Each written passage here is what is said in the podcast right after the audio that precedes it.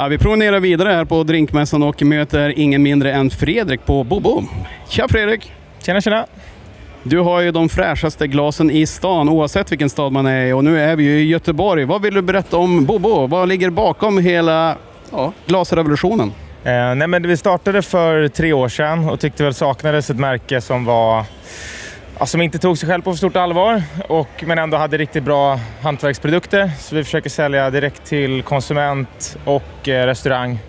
Eh, dels för att få kontroll över produkten och kundupplevelsen men också för att inte tappa onödig marginal. Ja, de är ju otroligt vackra. Är det någonting du vill berätta om själva hantverket? Hur, kan du berätta hur ni startade alltihopa?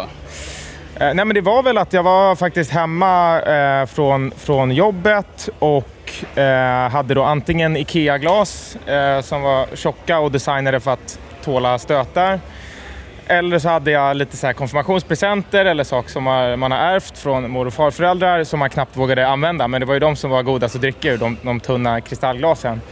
Och då kändes det tråkigt att det inte fanns någonting mittemellan. Någonting som man kunde använda liksom vardagligen som hade en så pass bra liksom, smak och dryckupplevelse. Så det var väl där det startade, eh, för att försöka göra någonting lite mer tillgängligt som förhöjer smakupplevelsen.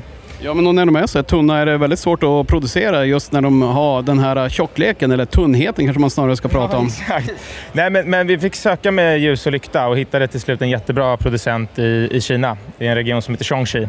Så dels är de, är de otroligt skickliga på det de gör och kan kontrollera. Det kommer ju alltid variera givet att det är munblåst, så vissa är tunnare och vissa är lite tjockare. Men de, de är otroligt duktiga och kan även få upp ganska stora volymer, vilket är, är praktiskt. Så jag är jätte, jättenöjd med dem. Nej, men det, det är jättesvårt. Alltså man, eh, är bara att kolla på. det är väldigt tunt. Vad kan det här vara? 0,5-0,6 eh, millimeter. Ja, men det är typ osynligt. Ja, exakt.